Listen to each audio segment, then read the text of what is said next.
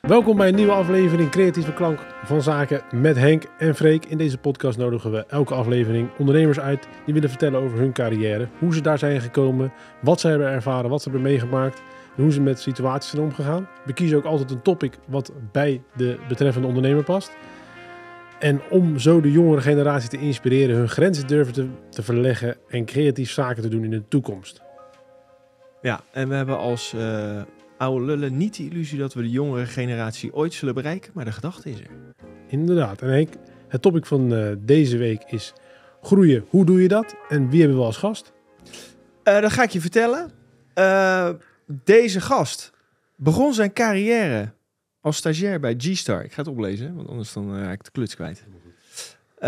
Daar uitgegroeid tot marketing god. Klopt dat?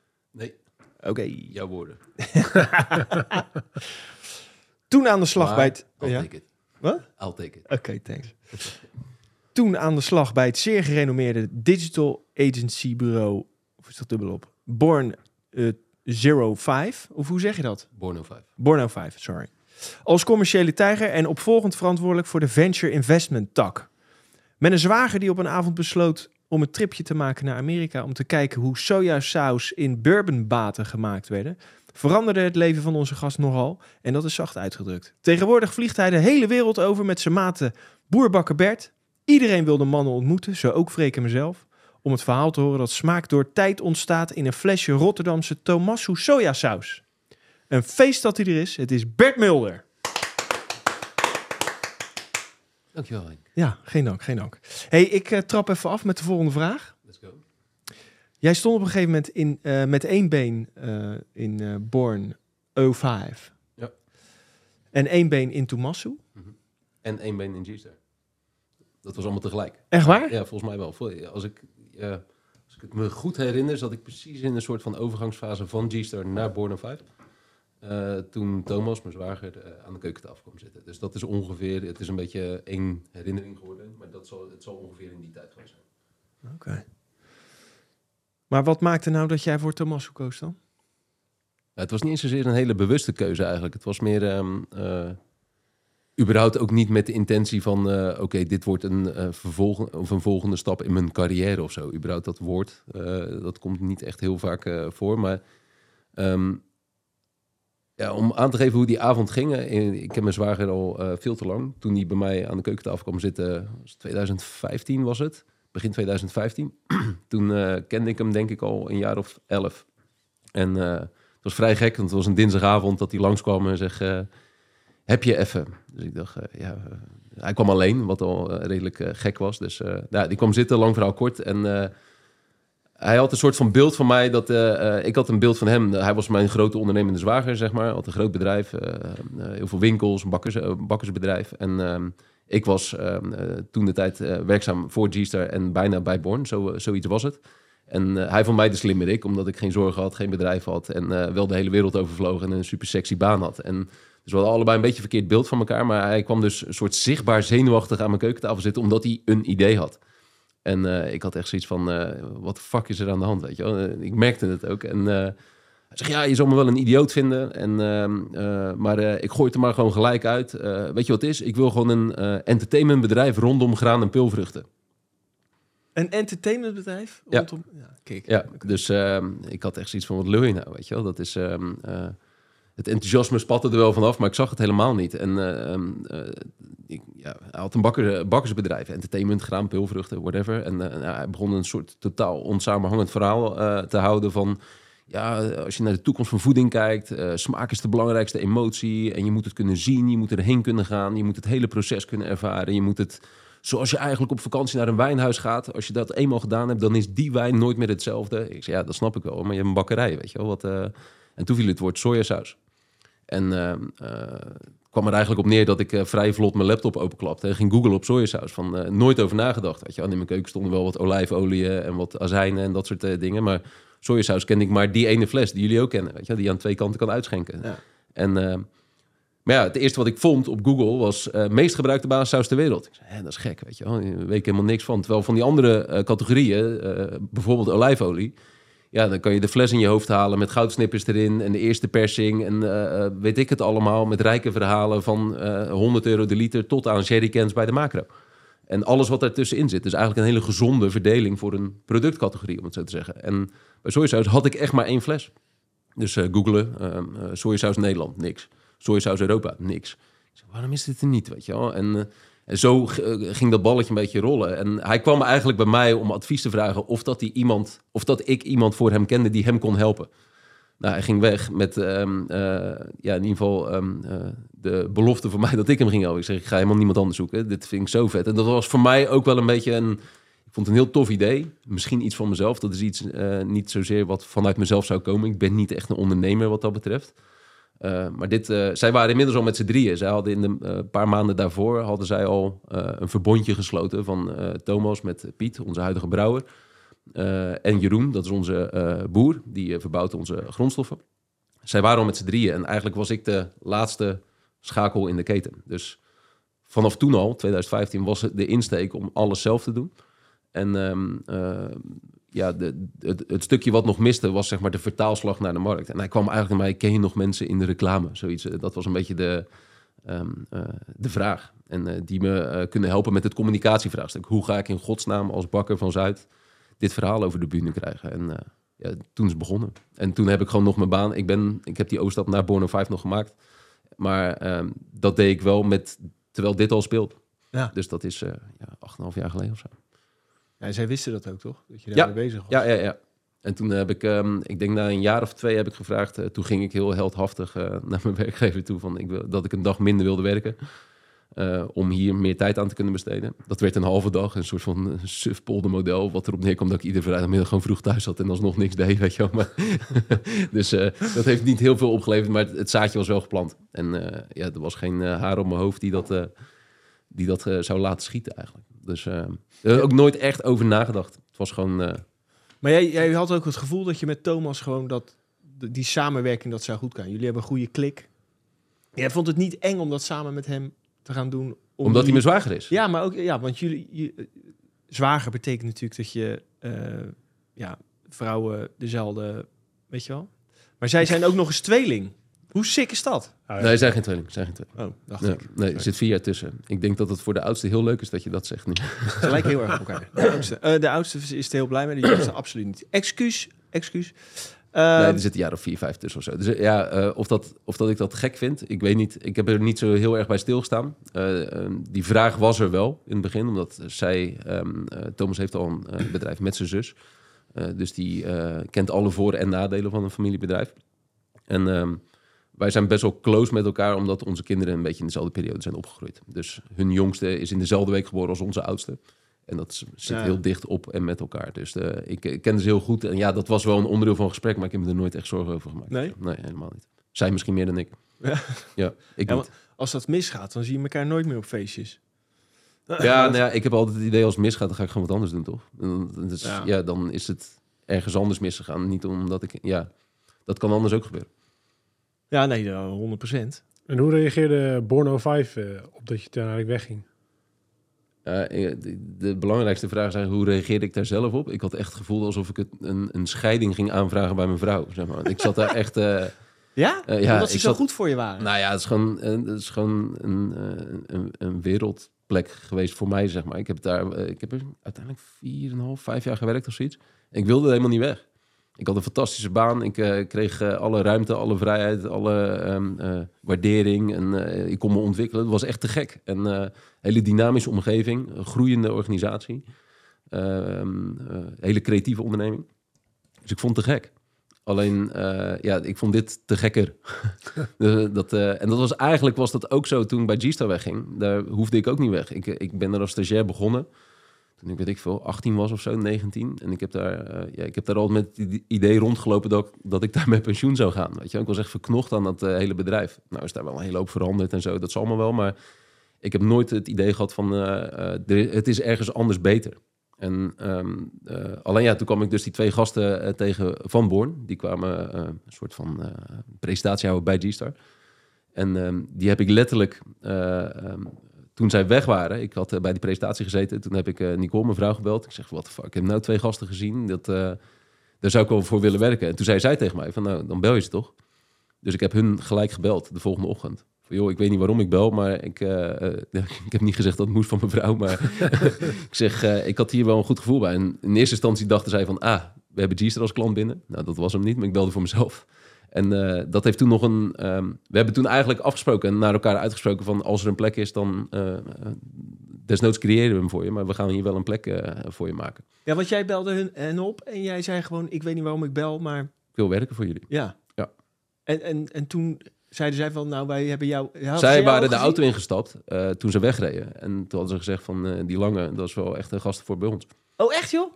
Dus dat was super toevallig. En toen belde ik ook nog. Gewoon op was- basis van een gesprek wat je met Ja. hen hebt gehad. Ja, hoe ik had gereageerd of whatever. Oh, en, eh, en, eh, ah, ik weet het al, ik heb uiteindelijk de rondleiding door het pand gedaan. Dat eh, Oh, schitterende pand langs de A10 van G-Star. Ja, dat is echt mooi. Joh. Dus ik had de rest van mijn collega's weggeëlleboogd. Ik zeg, ik doe die rondleiding wel even. En toen heb ik, ja, gewoon hun... En ja, ja, ik weet niet hoe je het noemt, maar... En ja, dat klikte. Dus het was zo'n maffe situatie dat ik de volgende dag belde. eh, terwijl zij tegen elkaar hadden gezegd, die gast zou wel eens wat voor bij ons zijn. Zo'n type eh, eh, pas bij ons. En Liefde op het eerste gezicht, wel. Ja, Ja. ja. letterlijk. En wat, wat sprak jou aan van hun presentatie? Weet ik snapte het. Dus ehm, eh, het was, ehm, we hadden best wel, eh G had eigenlijk een in-house, ehm, eh, ja, ik vind een reclamebureau, vind ik, maar een, een hele creatieve studio, moet ik eigenlijk zeggen. Van eh, fotografen en stylisten tot eh, eh, animatie, tot aan echt alles. En met als gevolg dat we eigenlijk nooit met bureaus werkten. Omdat we hadden gewoon een in-house bureau. En er werkten 150 man op die afdeling. Dat was echt te gek. En ja, dat is echt niet normaal. En alles kon. En als je een idee had, dan kon je naar beneden lopen... en in de fotostudio het bij wijze van spreken gaan testen. Proefwinkels waarin je di- dingen kon... En het was echt te gek. En dus we hadden heel vaak van die bureaus... die wisten dan hoe ze G-Star moesten zijn, dachten ze. En wij van G-Star vonden dat natuurlijk niet. Want wij wisten het als eh, geen ander. En... eh, dus wel, ik had best wel va- vaker van dat soort presentaties gezien van die mensen van, jullie moeten dit doen en we moeten helemaal niks, weet je, wel. een beetje die houding hadden altijd. Maar deze gasten die kwamen, dat is nog in, in de tijd van de customer journey, weet je wel, het plotten van behoeftes en, eh, en wat bied je dan als merk en dat was eigenlijk best wel een rationele benadering van waarde toevoegen in een klantrelatie. En eh, dat, ja, dat kon ik bij elkaar redeneren. Ik vond dat logisch, weet je wel, in plaats van het was meer dan alleen het creatieve idee. Het was eigenlijk een soort raamwerk wat zij toen presenteerden waarop je creatief kon zijn. En dat, dat snapte ik. En eh, toen dacht ik, ja, dat vind ik wel tof eigenlijk, weet je wel. En eh, kan ook, er was toen ook wel veel gaande bij GSA, dus ik was er blijkbaar ook wel ontvankelijk voor. Ik zit net al een beetje gers te doen dat ik nooit weg wilde, maar ik was er blijkbaar, ik stond er wel voor open. Want je werkte hoe lang al daar? Ja, ik denk dat dat in mijn negen of mijn tiende jaar was. Oh, oh jezus. Ja. Dat is wel. Toen was ik 18, 28, 29 of zo, denk ik. En, eh, dus maar ja, het, eh, ehm, eh, het was A, persoonlijk, want ik vond twee leuke gasten. Twee verschillende gasten, maar wel eh, heel, hele leuke gasten. En, ehm, eh, ja, en ik snapte hetgeen wat ze vertelden. Ik vond het heel logisch. Ja. Ja, top. Jij bent bij G-Star gekomen na een stage en die stage was van de school. Ja, dus ik... ehm, eh, Bruggetje naar school. Even moonwalken. Heb je school gedaan? Ja. Ja. Wel, eh, heb je daar spijt van? Nee, helemaal niet. Nee, nee, nee is wel eh, grappig. Mijn, eh, volgens mij heeft mijn, eh, eh, mijn laatste meester, heet dat op de basisschool toch? Mijn laatste leraar op de basisschool, die heeft gezegd... Bert gaat zelf bepalen of dat hij het VWO haalt. En dat was best wel... ehm, Wat een goede leraar. ja, daar had hij eh, een hoge voorspellende waarde. Want ik heb zelf bepaald dat ik het niet ging halen. yes. nee, ik heb tot en met eh, drie VWO heb ik het eh, redelijk kon ik het doen zonder al te veel effort. En toen afgegleden naar de HAVO, zodat ik dat ook kon doen zonder al te veel effort. En toen zat ik als eh, 17-jarige zoiets van, wat ga je doen? Nou ja, dan kan je commerciële economie gaan doen, toch? En dat, Ja. dat klonk dan wel gers. En dat ging ik doen. Ik, ik had er wel uit, achteraf wel spijt van, want ik had heel graag naar de universiteit willen gaan. Ik heb altijd politicologie willen studeren. En eh, wist je niet, hè? Nee. En, eh, maar toen dacht ik, enigszins overmoedig, ik hou in mijn eerste jaar mijn propeduizen wel. Eh, dat lukte niet, op één vak na. En toen ging ik naar die docent om te vragen van, joh, kan je me niet matsen, want ik heb een ander pad, weet je wel. Die kende me niet, want ik was er nooit geweest. Dus dan weet je een beetje wat, wat Ja. kon. Die was niet zo scheutig. Ze zei, ja, op grond van wat ga ik jou nu matsen? Dus dat, dat ging niet door. En eh, toen dacht ik, nou, dan ga ik naar Utrecht. Dan ga ik daar wel even mijn P halen. Wederom redelijk overmoedig. Nou, dat was een eh, opleiding. Ja, ik ben er niet super trots op. Ik heb personeel en arbeid daar gedaan. Drie Nice. maanden. Toen eh, was mijn propedeuse al uitzicht. En daarmee de, de toekomst, zeg maar, die ik voor ogen had, ook uitzicht. Dat was best wel kut. Want ik kon, ik kon ja... Ik, ik wist even niet. En ehm, eh, toen, ja, het jaar erop, toen heb ik het heel lang nog een soort van geheim gehouden voor mijn ouders dat ik naar school ging, maar eigenlijk niet meer ging. Toen ben ik gewoon gaan werken. Heb ik lang bij een verhuisbedrijf eh, gewerkt, een half jaar of zoiets. Maar Zonder toen, dat je ouders het wisten. ja, dat, Of dat, wel? dat heb ik eh, de eerste paar maanden. Dan ging ik ook wel naar Utrecht, maar dan ging ik niet naar school. Weet je wel? En dat. eh, ik heb heel veel op Hoogkaterijnen rondgelopen of zo, om een van de dubieuze reden. En, en toen ehm, eh, kwam ik een opleiding tegen, wederom commerciële economie. Alleen die was geënt op evenementen, muziek en entertainment. En eh, dat was eh, iets meer in het straatje of zoiets. En ehm, het was een leuke opleiding, een hele kleinschalige opleiding. Met, eh, maar het was een nieuwe opleiding met maar 120 eh, startende studenten. Best wel tof in Tilburg. En die heb ik in één keer afgemaakt. En ehm, eh, Hoe heette die? Eh, eh, ja, het was commerciële economie. oh ja. En dan eh, gericht op eh, eh, wat iets specifiek in de evenementen- en muziekhoek. en daar kwam ik, ehm, eh, moest ik een stageplek en via een vriend van mijn broer die bij G-Star werkte, kwam ik bij G-Star terecht. En ook, dat was mijn derde jaar en eh, uiteindelijk mijn scriptie, die eh, mocht ik toen van school niet bij hetzelfde bedrijf doen. Ik zei, ja, flikker op man, ik, eh, ik heb hier een gouden, gouden stageplek. En al, die, al mijn klasgenoten die zaten bij een van de schimmige tandpasta fabrikant en ik had gewoon echt een, echt een wereldmerk. En dus die, die kreeg ik uiteindelijk alsnog. En toen ben ik daar afgestudeerd. Maar toen werkte ik er al. Dus toen, tijdens mijn scriptie had ik al een, een contract. Als zo'n jong ventje bij G-Star binnenlopen, je, is dat koffie halen geblazen? Of? Ik Was je echt de eerste keer dat ik binnenkwam. Ken je die zaak nog in eh, Rotterdam, de Funky House? Ja, tuurlijk. Ja, die, eh, zit er nog dat- steeds? Ja, ja, ja. En, ehm, eh, maar toen had je al die t-shirts met tekst. En, ik- en ik weet de eerste keer, ik was helemaal ingewikkeld. Ik kwam uit Papendrecht en ging naar Amsterdam. En jeez, was echt, is, was echt wel een ding. Dus ik had me een beetje gers aangekleed, dacht ik. En ik kom echt... en ik, kom, ik had een camouflagebroek aan. En, ehm, Ja, ja, ja. ja, en ik had ehm, eh, eh, geel met zwarte dunks aan. En een shirt met de tekst verliefd erop. Verliefd. Ja, ja, vraag me echt niet waarom. Maar ik weet het nog, omdat eh, er was één gast eh, die ik zat te wachten in de receptie, eh, bij, de, bij de receptie. Fucking imposant gebouw al. En het zag echt, het was echt, echt heel mooi allemaal. Ik was echt onder de indruk. En die komt al zingend, een beetje verliefd. Ik ga het niet doen, maar die komt zo de trap aflopen. En ja, ik werd zo groot. het was helemaal... Maar wat achteraf mijn mazzel was, de, ehm, degene die mij daar had, ehm, via die vriend van broer, die, die had gezegd van joh, eh, doe even een gesprek. Maar die, ja, dat kwam er wel op neer dat ik een beetje een moedje was volgens mij. Dus, eh, dus ik, heb- ik ben aangenomen. En toen kwam ik op een hele toffe afdeling terecht. Dat was ehm eh, evenementenafdeling die onder andere de modeshows en de beurzen en winkelopeningen en eh, bedrijfsevenementen organiseerde. En dat was echt een mega groot ding bij G-Star. Dus ja, dat, dat was in Berlijn en in Barcelona. En in mijn eerste stageperiode ging ik al met het hele circus mee naar Barcelona. Oh joh. En dan deden ze vijf modeshows per dag op een van de grootste modevakbeurzen van Europa. En dat was net een, een levende videoclip met eh, eh, lopende banden en, en 25 modellen vanuit Nederland meegenomen en stylisten en weet ik het allemaal. En het was echt gek. Dus ja, ik kwam als 17-jarige in de wereld. Dat, wel, ja, ik wilde nooit meer weg. Nee. Nooit meer weg. Zo erg dat ik vanuit Papendrecht naar Amsterdam zeven jaar met openbaar vervoer twee uur heen, twee uur terug heb gedaan. Ja, dan moet je het wel echt leuk vinden. Ja. Ja. Ja, als er nu iemand een rijstwafel vandaag minder bus begint te eten, word ik ook nog steeds. Dat is een soort van PTSS heb ik daaraan overgehouden. Zeg maar. Twee uur heen, twee uur terug. Ja, als het mee zat, ja.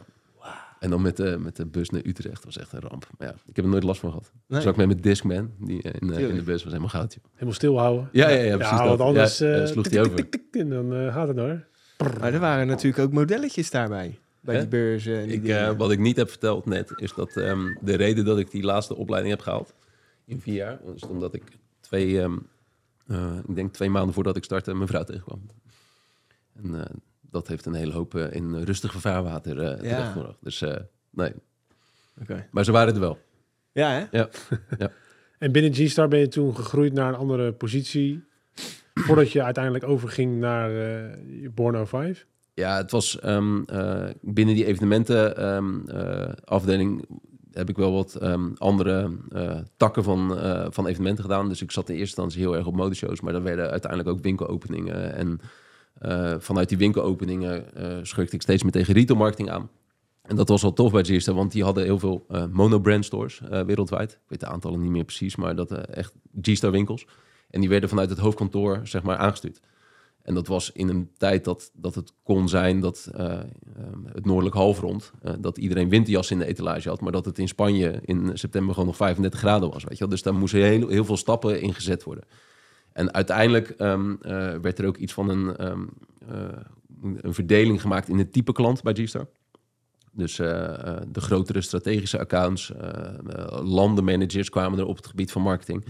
Eh, maar ja, dat was ook de tijd dat ze landen opkwam. Dat was groter dan een land, bij wijze van spreken. Dus die kregen een apart eh, dedicated marketingbudget. Dat heb ik nog een tijdje gedaan. Dus het is daar, ik ben er eh, redelijk... maar wel vaak vanuit een ehm, eh, organisatorische kant. Dus ik, ben, ik, ik heb nooit echt een hele creatieve, creërende rol gehad. En dat is ook niet echt wat ik ben, denk ik. Dus ik kan er wel mee werken, maar ik, ik ben het niet zelf. Ik ben zelf geen maker of een, helemaal niet zelfs. Dus. Hmm. Maar ik vind het heerlijk om in die omgeving te zitten. En daarom was die zo vet, omdat daar ja, er zaten 100, 100 makers om me heen. Zeg maar. Dus Veel geleerd natuurlijk. mega. Ja, ik gun dat iedereen. Ja. Ja, en, ik denk ook wel wat, wat, wat de doorslag daar was, dat je veel kan leren, is dat het een ehm, eh, bedrijf eh, was en is waar de oprichter, directeur, eigenaar aanwezig is. Dus eh, ja, het is een groot bedrijf, maar het roer kon nog steeds om. Het hoefde niet door 36 lagen. En het was best een platte organisatie. En dat vond ik heel tof eraan. Dat je eigenlijk gewoon, eh, ja, het kon echt eh, in, in, oh, we vinden nu dit vet, dus gaan we nu dat doen. En dat heb ik altijd wel heel tof gevonden aan het, het, het gevoel dat de ondernemer er nog in zit. En eh, ik moet er niet aan denken om in een grote organisatie te werken, waarin alles en protocollen en zo, dat lijkt me rampzalig. Het is, is niet meer zo eh, zoals vroeger, hè, G-Star. Volgens mij zelfs verkocht, Ja? zag ik ergens eh, komen. Nee, maar dat is, kijk, Dat verandert natuurlijk. Met die, Ja, nee, iedereen, je- iedereen heeft, eh, mag er wat van vinden. Maar ik denk dat waar G-Star toen de tijd heel erg goed in was, was zeg maar de, de, de wholesale game. Dus, eh, dus het ehm, contact met de uiteindelijke verkooppunten. Dus eh, zorgen dat de kids die op die vloer staan, zeg maar, die die broek staan te verkopen, dat die fan van G-Star werden. En dat die, en ja, dat, dat, of je nou in Uden woont, of in, eh, in. Groningen, of in Amsterdam, weet je wel. We weten in ieder dorp weet je wat de kledingzaak is. Alleen ja, dat was 15 jaar geleden of 10 jaar geleden. Ja. Dat is helemaal niet meer, weet je wel. Dus G-Star kon heel goed praten met hun klanten, maar praten niet veel met hun eindgebruikers. Dus niet daadwerkelijk met de mensen. En dat is als je online gaat doen, dan, ja, dan moet je praten met eh, eh, degene die hem draagt. Ja. En dat was, eh, ja, dat was de grootste transitie, zeg maar. En door de groei, ehm, daar ontstond ook wel... ehm, eh, ja, er komen, eh, dan, dan heb je ook meer disciplines van buitenaf nodig, meer expertise van buitenaf. En ja, er waren ook gewoon gasten die waren ehm, eh, al 10, 15, 20 jaar daar. En dat, dat waren ook wel twee cultuurdingetjes, denk ik, die weer lastig te managen zijn. En dan deed ze dat nog wel aardig, maar ik denk dat dat wel lastig is. Dus de groei heeft veel veranderd bij eh, G-Star. Ja, dat kan niet anders. De, de, dat, dat, de, de, de, de mate waarin dat groeide, die, die, misschien ken je wel die broek met die eh, kniestukken erop. Dat is de Elwood. Dat is de, na de 501 de meest verkochte broek ter wereld. Dus Ja, eh, ja. de- dan, je bent echt een is dat, wereldmerk. ja? Is ja, dat is gewoon echt een wereldmerk. Ja, Bizar. en zo kick dat het gewoon uit Nederland komt, weet je. Ik vond het echt, eh, Ja. en ik zat er middenin, weet je. Het kon ook niet op. Het was echt alles, eh, alles kon. Dat is echt ongelooflijk. Leuk. Maak ik nooit meer mee, denk ik. Nou, En, heb je bij Bor- Borno 5, toen je daar ging werken, heb je toen nog... Hebben ze uiteindelijk wel G-Star nog als klant Nee, binnengehaald? nee, of niet? Ik heb het nog wel twee keer eh, geprobeerd, maar ik ben een hele slechte verkoper wat dat betreft. Dus ik, ik wist ook dat het er eigenlijk niet echt in zat. Dus ik ging dan wel. Maar Zat er nee, in. nee ik vond het ook eh, dat. eh, nee. hey, maar, eh, we maken even een sprongetje vooruit. Want je, eh, die beginfase bij Tom, te- Tommaso, toen je daar zat, Mhm. ging dat nou gestaag? Of wat zijn dingen waar je tegenaan liep in die tijd? Dat je, ik kan me voorstellen dat je denkt, ja, mijn bankrekening begin, loopt ineens een beetje naar beneden. Ja, dat, viel, beetje- dat, dat, dat was. ehm, eh, ehm, Je bent aan het opstarten. ja, je moet het zo zien. Het heeft bij ons. ehm, we zijn in 2015 begonnen. En dan we, dan bedoel ik vooral Thomas en Piet en Jeroen. Die zijn echt begonnen met eh, het product. Dus Jeroen op de boerderij. Dus die moest. eh, we wilden onze eigen grondstoffen gaan telen. Nou had hij wel eh, wat ervaring, maar sojabonen was net even weer een andere tak van sport. Tarwe is het probleem niet zo in Nederland. Dat zijn de twee grondstoffen die we zelf telen. Maar ja, ga maar dus de juiste sojaboon vinden. Dus die zijn echt, hij is wat dat stuk samen met Thomas heel erg begonnen. Dat was een beetje het tandempje Thomas-Jeroen. Ehm eh, gewasselectie, eh, teelt, eh, dat soort dingen. En ehm, eh, Thomas en Piet zijn heel erg begonnen. En we noemen dat altijd de potjes- en pannetjesfase. Van gewoon heel klein beginnen. Lukt het ons om sojasaus te maken? Dat was eigenlijk ook de enige vraag. Gaat het lukken überhaupt? En, ehm, eh, Want ja, mensen zeiden ook, moeilijk is, in Nederland is dat moeilijk te maken. Nou ja, eh, sojabonen werden niet veel geteeld. Nee. Eh, ehm, kijk, ehm, of het moeilijk is, eh, het is ons gelukt. Ja. Dus, en ik denk dat als jij gaat oefenen, dat je, dat je ook wel iets krijgt wat op sojasaus lijkt. Alleen, dat was ook helemaal niet zozeer waar we mee bezig waren. We wilden heel graag iets voor onszelf, waarbij we over iedere aspect in ieder geval zelf invloed hadden en het zoveel mogelijk zelf doen. Dat was, dat was een, een woord wat heel erg terugkwam, het autonome. Ehm, eh, alleen maar ehm, verantwoording aan jezelf hoeven af te, af te leggen. Daar komen we denk ik zo nog wel een paar keer op terug. Maar, ehm, dus zij begonnen vrij praktisch met het product. En dus ik liep daar af en toe naar binnen en dat voelde een beetje als een soort ongepolijste Netflix-documentaire. Het was echt letterlijk een lege verdieping met geen licht, met eh verlengkabels. Uh, naar boven zodat er überhaupt stroom was, weet je wel. Dus het was heel erg klein, eh, heel erg van onszelf. We hadden het ook tegen niemand gezegd. We hadden ook geen ehm, eh, eh, financiële verplichtingen aangegaan. Weet je wel, heel klein houden. Om die druk maar buiten te houden. Eerst maar eens kijken of dat lukt. En ehm, eh, tegen het einde eerste jaar, we hadden eigenlijk gedacht van na een jaar fermenteren, want je fermenteert het op whiskyvaten, ehm, zou het wel af zijn. Dat klonk ook wel wel tof, weet je wel, een jaar lang de seizoensinvloeden, bla bla bla. Maar er zat nog zoveel leven in die vaten dat het uiteindelijk, ja, zolang het fermenteert, wordt smaak gecreëerd. Dat was de gedachte van met name Thomas en Piet. En ja, toen hebben we de bal eigenlijk gewoon weer vooruit geschopt van nou, als dat vat aangeeft, op basis van observatie, als dat vat aangeeft dat de activiteit afneemt, dan is alles verwerkt, eh, dan is alles opgefermenteerd, om het zo te zeggen. Dan, dan is de maximale smaak bereikt. En dat werd twee jaar. En ehm, dat is de reden dat ons product nu 24 maanden minimaal gefermenteerd is. Dus iedere dag kijken. Kut. Ja, zo, ja, nou, ja het was niet eens ongeduldig of zo. Dat is heel gek, maar het heeft nooit... Er had ook nog geen cijfer op papier gestaan. Echt, eh, geen Excel, geen, helemaal niks. Weet je? wel. We wilden gewoon sojasaus maken. Het grappige was alleen wel dat toen we het eerste vat gingen persen... toen hadden we al 80 vaten staan. Omdat ja, je wil niet één vat maken en dan denken van... nou, het is gelukt, vat twee. Dan moet je weer twee jaar wachten. Ja. Dus, dat, eh, dus we zijn wel continu gaan doorproduceren. 80 vaten zeg je? Ja, toen hadden we nog, eh, toen hadden we nog niet eens één fles gevuld. Ja. En we hebben... En die vaten kwamen uit Amerika, Schotland. Ja, Schotland. En met een, ja, het zijn ehm, voormalige bourbonvaten die een tweede leven hebben gekregen in Schotland. Ja, oké. En nu zijspoortje zijn we aan het kijken of we rechtstreeks bourbon gaan doen. Dan we denken dat die kwaliteit iets beter is. Maar eh, voordat we daar weer 2,5 uur over aan het lullen zijn. Maar Ja, je, kan, je kan lullen tot... eh, ja, dat lukt wel. Dus, eh, dus nee, die fase... kijk, mijn stuk kwam daar een beetje achteraan, weet je wel. Ja, je kan wel allemaal heel tof een, een, een merk en een weet ik het allemaal gaan zitten bedenken. En, eh, maar ja, als je nog niks hebt, dan... eh, dus dat kwam er een beetje achteraan. Maar mijn eh, stuk kwam daar een beetje achteraan. Ja, want jij voelde je in die tijd, denk ik, ja, een beetje machteloos, denk ik. Waar, dat, dat zou ik niet zeggen. Ik had het gewoon prima naar mijn zin. En het was, ik was me ook helemaal niet van bewust dat dit iets zou gaan worden. Ik vond het heel leuk. Ja. Dat was het. Ja. En ik vond het heel leuk om ermee bezig te zijn. En ik leerde die andere drie gasten kennen. En natuurlijk, mijn zwaar kende ik al, maar die andere twee helemaal niet.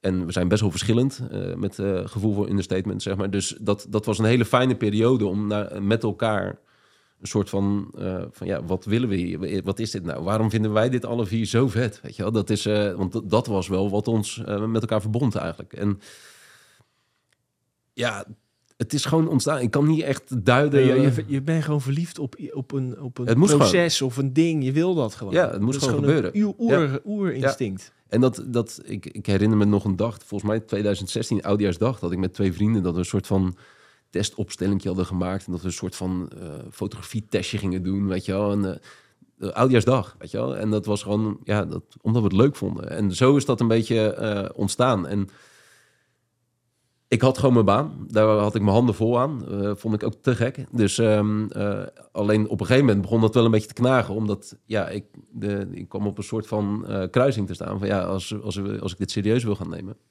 dan, dan moet ik hier. En dat heeft bij mij nog best wel lang geduurd. Ja. Dus sterker nog, ehm, eh, we hebben uiteindelijk in april of maart op, eh, 2018 hebben we het bedrijf opgericht. Ehm, eh, omdat we vraag kregen eh, van fuck, we moeten ook nog naar de Kamer van Koophandel. Toen hebben we het bedrijf geregistreerd, websiteje gemaakt. En ehm, eh, toen, ehm, eh, ja, toen was het ineens zo. En ik geloof dat we drie maanden daarna, of vier maanden daarna, ergens eind in de herfst van 2018, toen hebben we het eerste personeelslid aangenomen. Dat was mijn vrouw. Dus die werkte er eerder. Die hebben we toevallig een paar maanden geleden gevierd dat ze vijf jaar in dienst was. En ehm, eh, die, die was dus eerder aan de slag dan ik. En Ah, ik ja. deed wel steeds meer en ik ging wel steeds meer. En toen heb ik volgens mij in 2019 heb ik mijn baan daadwerkelijk opgezegd bij Born. Of 2000, ja, ik denk 2019. Toen ben ik twee dagen dit gaan doen. En toen heb ik nog drie dagen iets anders gedaan. Om ook weer, kijk, ik kon niet gelijk eh, mijn hele hebben en houden erin storten. Want dan, dat is wel grappig om, eh, om, om te zeggen, eh, mijn, ehm, eh, eh, het bedrijf kon mijn salaris nog niet aan. En ik wist dat ik zou moeten inleveren, dat vond ik ook helemaal niet erg, zeg maar. Maar ehm, eh, dat was een te groot risico. En dat hadden we gekund als we financiële verplichtingen aan waren gaan. Door een lening of whatever, of een investeerder. Of... Maar dat hebben we niet gedaan. Ja, zo goed, hè? Ja, ik herinner me een heel levendig moment dat ik naar mijn zwager ging. Ehm, eh, omdat ik, eh, ik was het zat, weet je wel. Ik, het gaat te langzaam en ik had wel bedacht, dan ga ik geld lenen. Ik had dat getoetst, ik kan wel bij iemand geld lenen en dan zing ik het een jaar uit. Dus ik dacht, nu, nu ga ik de ondernemer zijn. Weet je wel. Ja, Dus ja, ik in de auto naar mijn zwager en mijn schoonzus. En ik dacht, Helemaal, ah, ik ga het nu zeggen. ja, nou ja, ja dat. En eh, dus ik die kant op. En ik dacht dat ik echt supergoed nieuws had. Weet je wel, van eh, ik laat zien dat ik ervoor wil gaan. En hij trok helemaal wit weg, joh. Hij zegt, eh, gaan we helemaal niet doen. Ik zeg, hè, ik snap het niet, weet je wel. Hij zegt, dus ja, lang verhaal kort. Hij zegt, ja, dan, dan moet het. Want dan, eh, hij zegt, je bent mijn zwager, eh, mijn neefjes, mijn nichtje, weet je, dan, dan moet dit ineens iets worden. Terwijl we doen al drie jaar ons best om die druk buiten te houden. Om het zuiver te houden, om het autonoom te houden, om het op onze manier te kunnen laten gaan. Geen stress erin. Exact. Ja. En dus ik ging met de staart tussen de benen naar huis. En is kut, hè, lijkt mij, als je dan helemaal denkt, dit ja, het heeft te lang geduurd voordat ik het eh, snapte, zeg Ja, maar. ja. Maar nu, eh, nu ben ik er wel, eh, nou ja, ja, wel echt dankbaar voor eigenlijk. Zo. Dat dat zo, nu is het een gerstverhaal, toch? Ja, zeker. Ja, en, en om aan te geven dat dat... Het is allemaal heel geleidelijk gegaan. En Jeroen zegt het altijd wel mooi, weet je, als we het allemaal zelf willen doen, dan moeten we maar accepteren dat het wat langzamer gaat. En het gaat te hard zat, joh. Dus, Ja, ja, natuurlijk. Nou, ja, ik ben een keer bij, bij jullie op het land geweest. Dat vind dat vind ik zo tof. Dat vertel ik altijd aan mensen. Ze hebben een, de, boer heeft een stuk land. En die Mhm. heeft, eh, toen waren ze nog aan het testen met eh, graan. Nou ja, ik denk graan, eh, pff, lekker belangrijk. Hadden ze dus, hadden jullie zaadjes bij TU Delft gehaald? Nee, nee, nee. Bij ehm, dat? ehm, de eh, Center for Genetic Resources in Wageningen. Dus het, de genenbank, de zadenbank. ja, en er, zat er, er zat een zaadje bij uit Ja. 18 nog wat. Ja, Ja. en Ja. die mochten jullie eh, gebruiken. Wat ze doen is ze bewaren daar eigenlijk al het bronmateriaal eh, van gewassen. Er zijn er twintig van over de hele wereld. Voor eh, eventuele nucleaire holocaust-achtige scenario's of komeetinslagen. Dat we in ieder geval weer opnieuw zouden kunnen beginnen. En heel vaak worden die gebruikt voor ehm, eh, gewasontwikkeling, ehm, opbrengstvermeerdering, ziekteresistentie, kruisingen, veredelingen, dat soort dingen. En ehm, eh, Thomas die is daar ehm, ooit heen gegaan. Die kreeg daar lucht van dat dat bestond. Of zo is die had ergens iets gelezen. En die zegt... ehm, eh, eh, kan dat? Kan, kan dit voor jullie? Ik weet niet precies hoe het is gegaan, maar hij komt er in ieder geval mee in contact. En toen bleek er iets te zijn zoals de Oranjelijst. En die hadden een selectie van alle granen die ooit oorspronkelijk in Noordwest-Europa gegroeid hadden. En eh, dus die eh, vrouw aan de lijn eh, zegt, ben je in de buurt? Ja, dan kom ik er nu aan. Dan zijn er weer heen. En eh bleek er 135 soorten te zijn. En ja, zou je ermee willen testen? Ja, geef ze allemaal maar. Dat waren eh, 135 zakjes met eh 15 of 25 zaadjes of zo erin. Allemaal op watjes gelegd. Allemaal laten kiemen. Allemaal met de hand in de grond. En, Oh, je hebt ze al... Oh, oh, dat oh, waren ja, ja, nee, ja, oh, ik dacht dat het die hele, was. Nee, nee, nee, die hele rits. die Ja, ik heb daar. ze gezien, maar ik dacht dat het... dat Dat is lachen, jij bent daar geweest, ja. Dat is, Maar er was dus een hele rit zo. Eh, Mhm. eh, en dan rijen eh, horizontaal en ik we liepen verticaal door dat ding heen. Ja. dat je de luisteraar het snappen.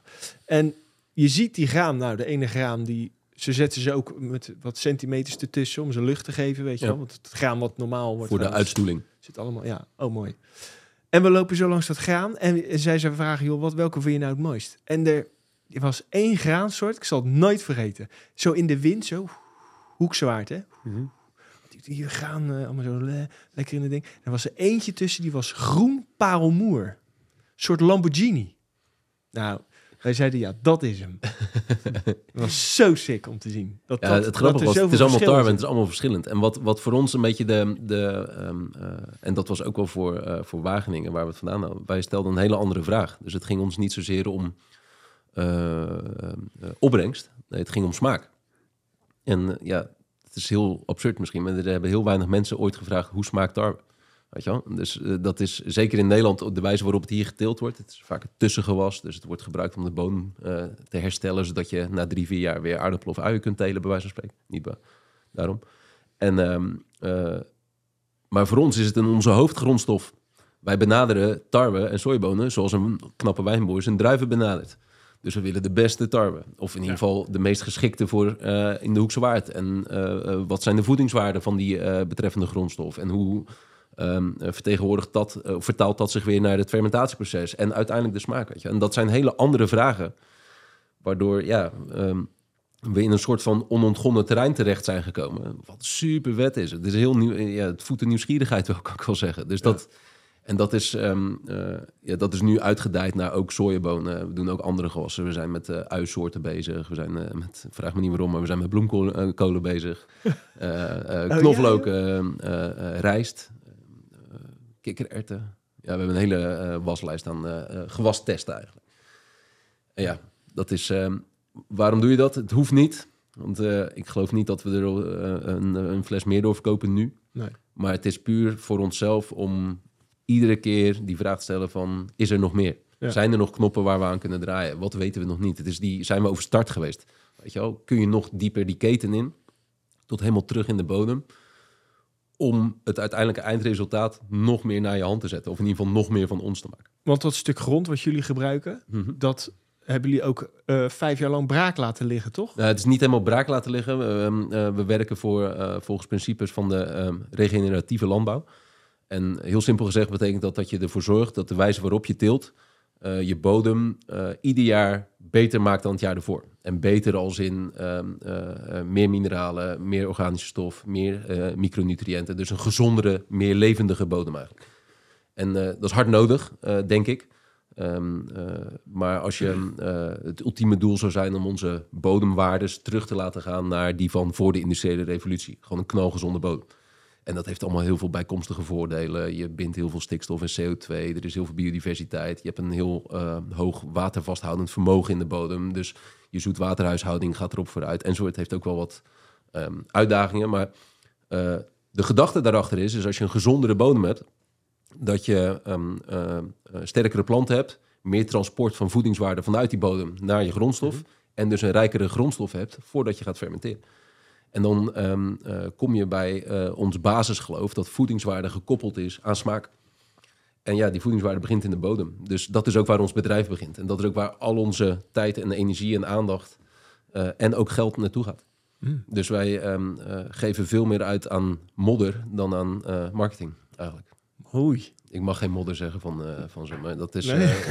eh, ja, Maar zijn het nou meer, zijn jullie, de, ik kan me zo voorstellen dat die, die ruimte die jullie hebben, mhm. dat boeren die snel de, eerder gebruiken van, joh, ja, ik heb er allemaal geen tijd voor wat jullie aan het doen zijn, man. Ik wil daar gewoon. Ja, waar ik altijd heel erg voor, voor wil Zijn waken er is... meer? Nou, waar ik heel erg voor wil waken is van... eh, iedereen moet het doen zoals wij en wat zij doen is Maar helemaal niet. onmogelijk, toch? Ja, Eigenlijk. dat, dat, dat is ook... eh, Kijk, wij hebben heel veel geluk met sojasaus. ja. Dus wij hebben een, eh, door het feit dat wij sojasaus zijn gemaakt, hebben we een podium gekregen om dit te kunnen doen, eigenlijk.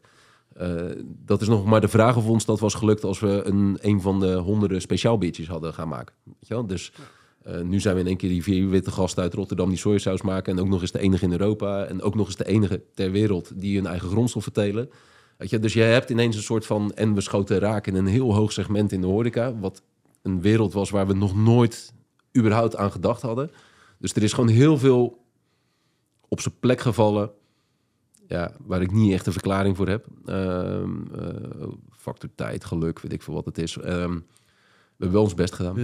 Eh, nou ja, ja, lastig te duiden. Laten we het daarop houden. En, ehm, en dat stelt ons in staat om te doen wat we willen doen op de boerderij. Het is een beetje ons kip-ei verhaal. Dus Hoeveel hectare is het?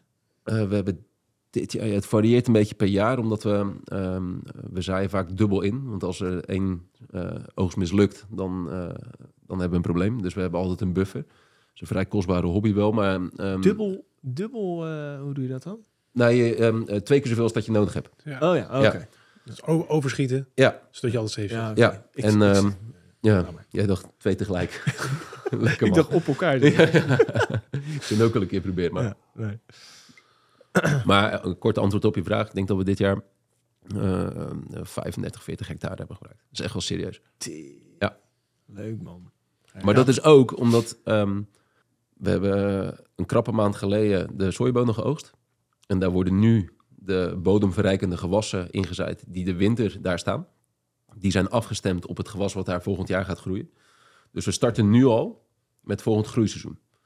Dus de, eh, Wat gebeurt daarmee met dat tussenspul? Eh, dat ehm eh, mulchen we, ver- verhakselen we eigenlijk. ehm, in de, en dat brengen we terug in de eh, toplaag. Dus dat blijft achter op het land. Oh ja, oké. En ehm, eh, daar gaan dan melkzuurbacteriën overheen om de afbraakproces iets te versnellen. Doen we zelf eh, brouwen, die melkzuurbacteriën, op de brouwerij die we op de boerderij hebben. Oh ja, joh. En dat verrijkt dus de bodem. Dus het voordeel is dat de hele winter het land groen is, in plaats van die geploegde akkers. Ploegen doen we niet meer. En ehm, eh, dan heb je eigenlijk een natuurlijke verrijking van je bodem. Je, ze noemen het ook wel groenbemesters. Waarom doet niet iedereen dat? Het is eh, Onwetendheid. pokken veel werk. Oh. Ehm, eh, het is ehm, eh, eh, financieel. Het Wat is kennis. Het is ook sociaal en van ja, als je ja, er zijn ook heel veel mensen die dat eh, ehm, eh, raar vinden. Ja. Dus Jeroen was altijd wel een beetje de, de vreemde eend in de buit, zeker in zijn eh, regio. Van wat ben je nou aan het rommelen met al die bloemenranden en eh, oh jij ploegt niet meer en eh, eh, had je geen zin meer, weet je wel. En, eh, weet je, de- oh, een dus je hebt ook een soort van peer eh, pressure. ja, ja, dat zocht ik. Dat eh goede Nederlandse woord. En, eh, en, en alleen nu begint het te werken. En je moet alleen door een dal heen. Door eh, kennis, door eh, financieel. De, en het, er, zit een, eh, er zijn heel veel barrières binnen dat systeem. En ik denk dat dat de kunst is van wat wij nu met z'n vieren hebben... eh, of aan het proberen te creëren zijn, is een eigen systeem. Een volledig zelfvoorzienend eigen systeem... waarin we niemand meer nodig hebben. Dat is de droom, eigenlijk. En hoe en dat- ver zit je daarvan af? Oeh, dat vind ik wel een moeilijke vraag. Ja, dat zou ik niet in een percentage uit kunnen drukken. Maar we zijn op alle fronten zijn we stappen aan het zetten. Maar ik, ik hoef niet procenten, maar eh, in tijd? Ook niet? Ja, ik denk dat als je ons nog... eh, het, ik denk dat het nooit stopt, laat ik het zo zeggen. Dus het is, eh, er is ehm, eh, een heel stom voorbeeld, verpakkingen. Ja, dat, ik zeg niet dat ik morgen een kartonagefabriek ga beginnen, maar, maar, nee, maar waarom zou dat niet kunnen? Ja. Weet je wel? Waarom? eh, Kijk, glas vind ik een ander verhaal. Dan heb je echt wel een, eh, een- dat, dat is nog wel weer wat anders. Maar ik wil het in ieder geval ter discussie stellen. Ja. Weet je wel? Van alles zelf kunnen doen. Ja. En eh, dat varieert van eh, eh, het verdelen naar verkooppunten zonder distributeurs. Gewoon rechtstreeks zelf, weet je wel. Dat is super onhandig, super tijdrovend. eh, allemaal, allemaal dat soort dingen die misschien wel groei in de weg staan. Maar het is zoveel leuker. Dat, Ja. is, eh, dat, is, dat is het eigenlijk. En ik denk dat het ook gewoon werkt. Beetje het Heineken-verhaal, toch? Die deed het toch ook? Weet ik niet. Alles zelf? Eh, dat is wel veranderd inmiddels. Ja. Ja, dat zou kunnen, dat weet ik niet. Ja, dat weet ik niet. En de, de groei, je zei dat je er hard aan hebt gewerkt, maar dat het misschien een factor, verschillende factoren bij elkaar kwamen, Ja. waardoor je in het hoge segment kwam. Ja. Maar dat is, dat is nu ook niet alleen maar toevalligheden. Dat is natuurlijk ook, je bent ermee bezig en uiteindelijk Nou ja, kijk, voelde je de groei aankomen of zag je ineens Nee, iets gebeuren? Wat absoluut er, niet. Ik zal je heel eerlijk vertellen, de manier waarop eh, het gelanceerd werd, eh, was niet door onszelf. We hadden uiteindelijk, ehm, eh, deze kerst is het exact zes jaar geleden dat we de eerste flessen weggaven aan mensen. Toen hadden we ehm, alle vier tien flessen. Die hadden we in een doos ehm, ehm, eh, gedaan met een mooie pretentieuze koperen thee. We hadden er wel echt wat moois van gemaakt. We wilden het echt mooi laten zijn, weet je wel. En met een flesje erin geduwd en dan een persoonlijke brief. En ik naar mijn ma en naar mijn broers, weet je, met kerst. En kerstavond, eerste kerstdag. Cadeau. Maar was schot voor open doel bij mijn ma. Die vindt alles tof wat ik doe, weet je wel. Dus dit, eh, en mijn broers die gingen me afzeiken. Dat had ik ook wel ingecalculeerd, weet je wel. Dus dat, eh, dus... Maar ja, ik zat dus... eh, dat, we hadden het gewoon uitgedeeld aan vrienden en familie. Om de eerste keer dat we eigenlijk naar buiten gingen. En het was tweede kerstdag zat ik dus samen met Thomas aan het kerstdiner. En toen eh, we hadden een Instagram-account ehm, eh, met, weet ik veel, een paar verdwaalde volgers. En ehm, toen werden we ineens getagd door een, ehm, eh, door een eh, man die had die doos in zijn hand. En eh, wie de fuck is die gast, weet je wel? En, in de groepsapp en niemand kende hem, wat al heel raar was. Want we hadden het aan vrienden en familie gegeven. En er was één gast die had het dus doorgegeven aan hem. Als een soort van, hey, ik heb dit gehad, maar dit is ook echt wat voor jou. En met alle goede bedoelingen. Want dat bleek Edwin Vink te zijn. En Edwin Vink is al een heel lange gerenommeerd chef. Twee sterrenzaak in eh, eh, Zeeland. Ja, dat is een wereld. Ik was nog nooit in een twee sterren tent geweest, weet je wel. Ik snap het bestek niet eens, weet je wel. Dus eh, dat... eh, dat en hij vond het goed. Er stond zoiets van een tekst van ongelooflijk, Rotterdam gemaakt. Eh, we hebben vaak in Japan nog geweest, maar zoiets heb ik nog nooit geproefd. Iedereen moet het proeven. En die wereld is fucking klein. Dus al die mensen die in dat segment actief zijn, of die dat volgen, of die dat interessant vinden, die zeggen, huh, Nederlandse sojasaus, wat dan? En twee weken later werden we door de Telegraaf gebeld. En dat resulteerde in twee maanden later in een drie pagina groot artikel in de zaterdageditie. En dat was, eh, toen hadden we, waren we nog niet bij de Kamer van Koophandel geweest. Dus toen was het ineens zover. Dus ja, ik kan zeggen van, zag je het aankomen? Nee, natuurlijk niet, man. We hadden dit, eh, wij dachten, en hangt er vanaf op welke dag je het had gevraagd. De ene dag hadden we eh, wat meer optimisme. En de andere dag hadden we van, nou, we hopen dat iemand het wil hebben, zeg maar. En we dachten wel van, nou, Rotterdam, een beetje chauvinisme, Rotterdamse sojasaus, weet je wel. Ze verkopen alles met Rotterdam erop, van, eh, van, van port en eh, kaas tot aan stro en winegums. Ik heb alles voorbij zien komen. Dus ja, dat, dat moet wel lukken, toch? En, uh, maar het was gek genoeg eigenlijk. Uh, het was wel in de eerste winkel in, uh, in Rotterdam, maar Amsterdam ging vrij vlot erachteraan. En toen kwam, ja, dat... En hoe ging je om met die groei? Was het rennen, vliegen, springen en weer doorgaan? Um, ja, de eerste drie jaar kan je een hele hoop oplossen door gewoon harder te gaan werken. Um, uh, met, uh, en dan vooral zeg maar uh, productietechnisch gezien, weet je wel. En er kwam al gauw een mannetje bij en we kregen ruimtegebrek, weet je wel. Dat, dat zijn wel dingen. Maar door het type product wat we maken, ja, werden we ook op een natuurlijke wijze geremd. Want we hebben van begin af aan meer vraag dan aanbod. Dus um, tot op de dag van vandaag. Dus uh, ik heb al zes jaar lang dat we nee verkopen tegen nieuwe verkooppunten in eerste instantie. Dus komen op een wachtlijst te staan. Dus wij kunnen heel goed plannen van wat, wat, er, wat er aan zit te komen. En dat, dat heeft ja, er enorm voor gezorgd dat we, uh, dat we het hebben kunnen behappen met mensen die ons dichtbij staan, zeg maar. Dus ik heb nooit allemaal slimmerikken van buitenaf hoeven halen van, oh, we hebben nu dit. Nee, het is... Uh, Mevrouw Piet heeft zijn zus uh, in het bedrijf, zijn dochter werkt er. Um, uh, mijn schoonzus die doet tegenwoordig de cijfers. Dus, en op de boerderij was er ook wel voldoende buffer om die groei wel of niet op te vangen. Dus dat is best wel organisch gegaan eigenlijk. En dan kan je beslissen om hele grote stappen te gaan nemen. we, hadden, ja, we hebben voldoende aanleiding om dat te doen. Maar we hebben het eigenlijk wel een soort van geaccepteerd van ons tempo dat iedereen maar de tering krijgt eigenlijk. Dat was, uh, dat was het een beetje.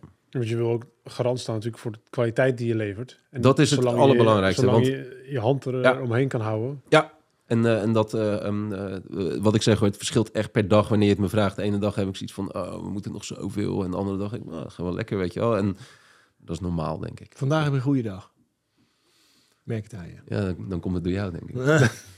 Zat anders in de auto hierheen. Zitten er nou gasten echt uh, te, te, Want jullie leveren over heel de wereld, toch?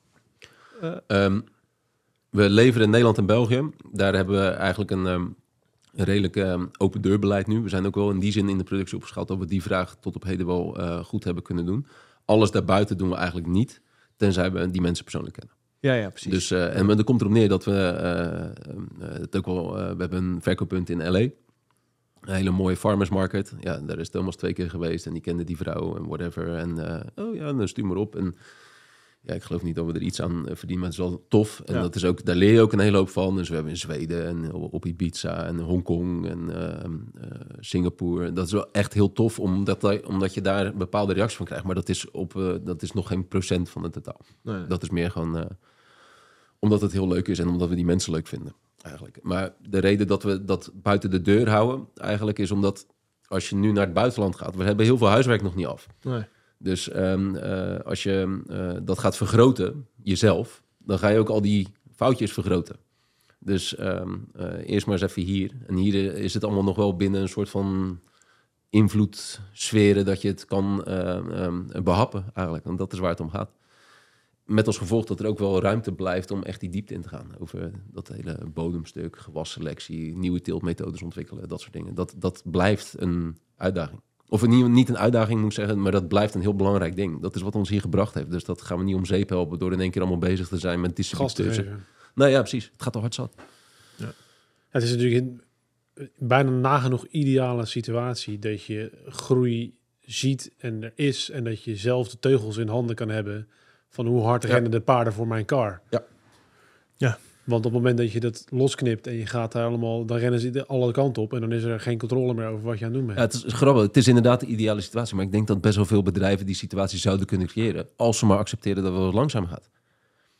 Dus En ehm, het, Geduld is... eh, ja, maar het, ehm, eh, eh, succes wordt heel vaak afgemeten aan, aan formaat, waardering. ehm, eh, als in eh, eh, ehm, eh, financiële waardering, groei, nieuwe investeerders. Dat zijn best wel modellen. Die, ja, dat zijn de succesverhalen in al die slechte zakenbladen, zeg maar. Van, oh, weer een fundingronde tegen die en die waardering opgehaald. En ja, weet je, de, de- ja, dat, dat kan. Maar ik vind het flauw om het van Mo voorbeeld te geven. Maar dat, dat, die hadden een, hebben een super goed product. Het is een elektrische fiets die er fucking goed uitzag. Waar alle coole mensen op fietsten. En er ook nog mensen het geld voor over hadden. En ja, ze zijn het product in mijn beleving uit het oog verloren. Maar ze stonden in alle bladen Ja, van hoe goed het is. En, en, groei, en, groei, groei was het enige waar ze naar keken. en, en uiteindelijk eh, waren de onderdelen eh, niet eh, beschikbaar. Weet ik, veel, ik weet er te weinig van, weet je. Maar dat gevoel heb ik als ik... En zij zijn natuurlijk ook de kop van Jut... omdat ze zo, eh, ehm, eh, zo'n zo, zo'n merk zijn. Maar ik denk dat dat voor heel veel bedrijven geldt. En dat komt als er, ehm, eh, ik denk, vreemd kapitaal binnenkomt. Dan krijg je andere... ehm, Druk. ja. En dat is ook voor een hele hoop dingen is dat heel goed, hè? Maar voor ons werkt dat gewoon niet. Dus ehm, ik denk, eh, als ik een meeting wil laten ontploffen... Meeting, als ik een... een, een Gesprekje. ja, als ik wil laten ontploffen, moet ik beginnen met moeten. Eh, We moeten. En dan zitten er drie gasten in de, in de kramp, zeg maar. Ja, dus Want jullie eh, payoff is smaak door tijd. ja, volgens mij Oh, was ja. jij erbij toen die kwam, toch? Ja, Hij is een beetje met Wink en met jou is die eh, een soort van tot stand gekomen. Dat Nou, was, jullie, jullie vertelden het ons, wij hebben er niets... eh, eh, misschien, ik- misschien heeft Wink er nog wel wat mee te maken. Ja, Dat volgens mij zou wel, ja. kunnen. Dus eh, nee, dat, ehm, ja, dat is de payoff. En, dat Leuk, is ook, eh, en, en die tijd is wel gewoon een belangrijke factor. Ja. En dat is uiteindelijk hetgeen wat, wat super democratisch is, hè, tijd. Heeft, iedereen heeft er evenveel van. Ja. En, en dat, eh, dat discrimineert niet. Dus eh, de, als je daar heel zuinig op bent en dus de tijd neemt... Dat geldt voor alles, man. Het is alleen super moeilijk. Dus inderdaad, we hebben de ideale situatie. Maar ehm, eh, je moet er dan nog wel op een ideale manier mee omgaan. Dat is af en toe wel echt super moeilijk, omdat ja, je hebt ook wel een soort van ego en eh, eh, de hele wereld schreeuwt dat je allemaal dingen moet doen. En eh, om echt naar, je, eh, naar jezelf te luisteren, dat is ook waar wij het meeste over praten met rivieren. We hebben het nooit zozeer over productielijsten en dan weet ik het allemaal. En eh, als we dit doen, dan gebeurt er dat. Nee, het is veel meer van, wat vind je ervan? Wat zullen we doen? Dus om de goede groei te krijgen, zeg je eigenlijk eerder van je moet je groei kunnen eh, controleren en naar je eigen hand meegaan. Ja, ik denk dat het nog, nog eh, anders is. Ik denk dat je eh, de goede groei is heel persoonlijk. Er zijn ook mensen die er waarschijnlijk heel veel voldoening uit halen om Ja. vol het gaspedaal in te trappen. Prima, weet je wel. Let's Nee, maar- go. Maar ik, het, wat, wat dus goed betekent, is dat je heel erg goed naar je eigen gevoel luistert. En dat je niet een soort van eh, eh, onderdeel wordt van een, van een race waar je eigenlijk geen onderdeel eh, van. En, en wij racen net zo hard. Hè? Ik, ga, ik ben helemaal. we zijn, het is niet dat ik, dat ik dit dat we gas terugnemen. We doen het alleen op een andere manier. Nou, ja, het is gewoon het simpele. Als je zelf de controle hebt over hoeveel gas je ingeeft. Kijk maar naar wat hij bedoelt met Moof. Is hetzelfde met al die internet startups. Die gaan zo hard dat er is geen degene die, die dat zaadje heeft geplant, die heeft nul controle meer. Ja. En dan niemand, is niemand toch- bestuurt die boot meer. Ja. Zeg maar. Het is gewoon, weet je, wat, het gebeurt maar wat. Het is toch ook heel simpel eh, te weerleggen met eh, geld? Startups. Waarom, waarom doe je een start-up? Om zo snel mogelijk geld te verdienen, om het, eh, om Ja. het snel mogelijk te groeien en te verkopen. De vraag is of je het echt verdient. Het kan namelijk ook zijn of dat, de, of dat de waardering omhoog schiet. En dat het op basis van een belofte meer waard wordt. Ja, ja, ja. En dat is voor ons van laat het eerst. En dat is ook wel. Ik wil echt niet doen alsof dat dit een, eh, een soort van vooropgezet plan is geweest of zo. Het is ook wel gekomen door hoe het product ons heeft gemaakt. Dus wij hebben gewoon 2,5, 3 jaar moeten werken voordat we überhaupt een product hadden. En dan ontstaat de groei. En dan moet je weer 2,5 tot 3 jaar wachten voordat je dat product eh, die aan die vraag kunt voldoen. Dus we hebben van nature een rem in het bedrijf zitten die ons dwingt om na te denken. Of in ieder geval de ruimte geeft om erover na te denken. Ja. En dan is de vraag... Het is eigenlijk een soort remolie heb je eh, gewoon. Laat maar. Ja. Ja, maar het is, het is natuurlijk ook heel mooi als je product wat met zoveel passie eh, en gevoel wordt gemaakt, dan ben je minder bezig om die groei in te zetten. Ja, de vraag is, wat wil je? En, eh, en, en als je groei kwantificeert, dan is het best wel een saai onderwerp. Maar als je groei uitlegt als iets van... ehm, eh, kijk, je kunt groot worden of groots. Ja. En eh, groei kan ook betekenen dat je nog mooier wordt. Weet je wel? Of dat je, dat je nog knappere fles krijgt. Of dat je nog beter je verhaal uit weet te leggen. Of dat je ehm, de, de, de klanten beter in staat zijn om in een winkel... Dat is ook allemaal groei. Of groei kan ook zijn dat onze, ehm, de biodiversiteit op onze boerderij toeneemt. Groei kan ook zijn dat vijf mensen die bij ons werken... dat die stappen maken die ze nooit hadden gedacht te kunnen maken. Dat is allemaal groei. En, eh, dus maar ik zie het eerder als ontwikkeling. En groei vind ik vaak te, eh, te beperkt in de definitie, omdat het alleen maar eh, heel snel geassocieerd wordt met cijfers en, en, en centen. En ja, zo kijk ik er helemaal niet naar. Dat is, natuurlijk is het super belangrijk. Hè? maar Het is allemaal onderdeel van, want het een maakt het andere mogelijk. Maar het is nooit een doel op zich bij ons. Er zijn er dingen waar jij de ontwikkeling nu, die je voor het komende jaar gaat inzetten voor Tomasen? Ikzelf, want het geldt voor alle vier geven Ja, een heel maar- ander antwoord namelijk. Dat klopt, maar voor jou? Ehm, ik denk, ehm, eh, en dat zal ook wel een dingetje blijven, door die drie andere gasten heb ik een soort onuitputtelijke bron van dingen die ik zou willen vertellen. En daar kom ik eigenlijk nooit aan toe, omdat eh, eh, behalve als er mensen bij ons zijn, dan krijgen ze het allemaal te horen. Of in gesprekken die langer dan een kwartier duren, of die langer dan vijf seconden interactie op social media duren. Dus de uitdaging die ik van begin af aan heb, en dat is al acht jaar zo, van eh, die drie gasten zitten als het ware onder een soort kaastolp. En dat is een soort fontein van, van eh, vind ik, toffe dingen. En als ik die er in één keer af zou trekken, dan snap je er helemaal niks meer van. Dan is het, dan is het, een, dan, het slaat echt helemaal nergens op. Van, van, ja, geloof me. En dus de kunst is om er af en toe één uit te pakken en te zeggen van, hé, hey, dit past bij ons. En dan nog één eruit pakken. Hey, dat, dat is wat we aan het doen zijn. En de uitdaging die ik een beetje heb, is dat eh, dat mogen best wel hele uiteenlopende dingen zijn, maar dat het nog steeds de massa is. En dat nog steeds ons vieren vertegenwoordigt. En eh, die, ehm, die uiteenlopendheid van ons vieren, dat moet ook vertegenwoordigd worden in hoe wij naar buiten zijn. Ja, dat vind ik wel iets eh, wat, wat, ik, eh, wat ik graag verder zou doorontwikkelen. En het tweede is dat ehm, eh, meer het product zelf, dus ehm, eh, eh, de fles, de, ehm, eh, maar dus meer een kwalitatieve. ehm, eh, het moet onze eigen mal worden en allemaal dat soort dingen. Maar dat duurt nog minimaal twee jaar. Nog meer zelf de controle Ja. in eigen hand hebben. Misschien wordt het wel aardewerk. Ja. Ja, dat zou eh sick zijn. Want ehm, eh, als je eh, kijkt hoe sojasaus uiteindelijk over de wereld verspreid is... dat is zeg maar in ons koloniale verleden zo gebeurd. Dat toen Nederland een exclusieve handelsrelatie had met Japan...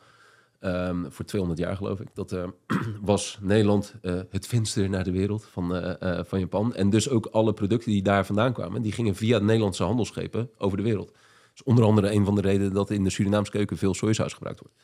en ehm, los van droge specerijen en zijde en dat soort dingen, was sojasaus heel goed te vervoeren. Omdat het hoog in zout was en het eh, was dus langer houdbaar. Ehm, en eh, dat werd dus vaak in aardewerk eh, kruikjes gedaan. Of in ehm, eh, houten vaten. Ja. Dus dat is, daar zitten wel heel veel aanknopingspunten voor ons... die heel sick zouden zijn om, om verder uit te werken. Alleen ik wil niet te veel aanschurken tegen de Japanse cultuur. We doen dat wel met alle respect voor die cultuur daar, zeg maar. Maar niet daarvan, eh, kijk eens, dit eh, eh, kunnen wij ook of zoiets. Dat, eh, dat is ook de reden dat we nooit in Japan zijn geweest tot een maand geleden. Omdat we, we wilden erheen niet met de vraag, hoe doe je dit? Maar eerder met de vraag, waarom doen jullie het op deze manier? En eh, dat we het wel ook zelf hebben, eh, eerst, eerst zelf proberen. Ja. Ja. Cool. Nou, heel mooi. Zeker. En dan hebben we meteen onze topic eh, goed eh, behandeld. Oh, daar zijn we nu klaar mee. Nee, eh, nog niet. Maar ik dacht, eh, misschien wil je behandelen wat... eh voor Wat je, wat je bezighoudt. Ja. Ja, dat, dat is dus de, de- Nu komt de tune erin. We hebben een nieuwe tune. Ja, zalig.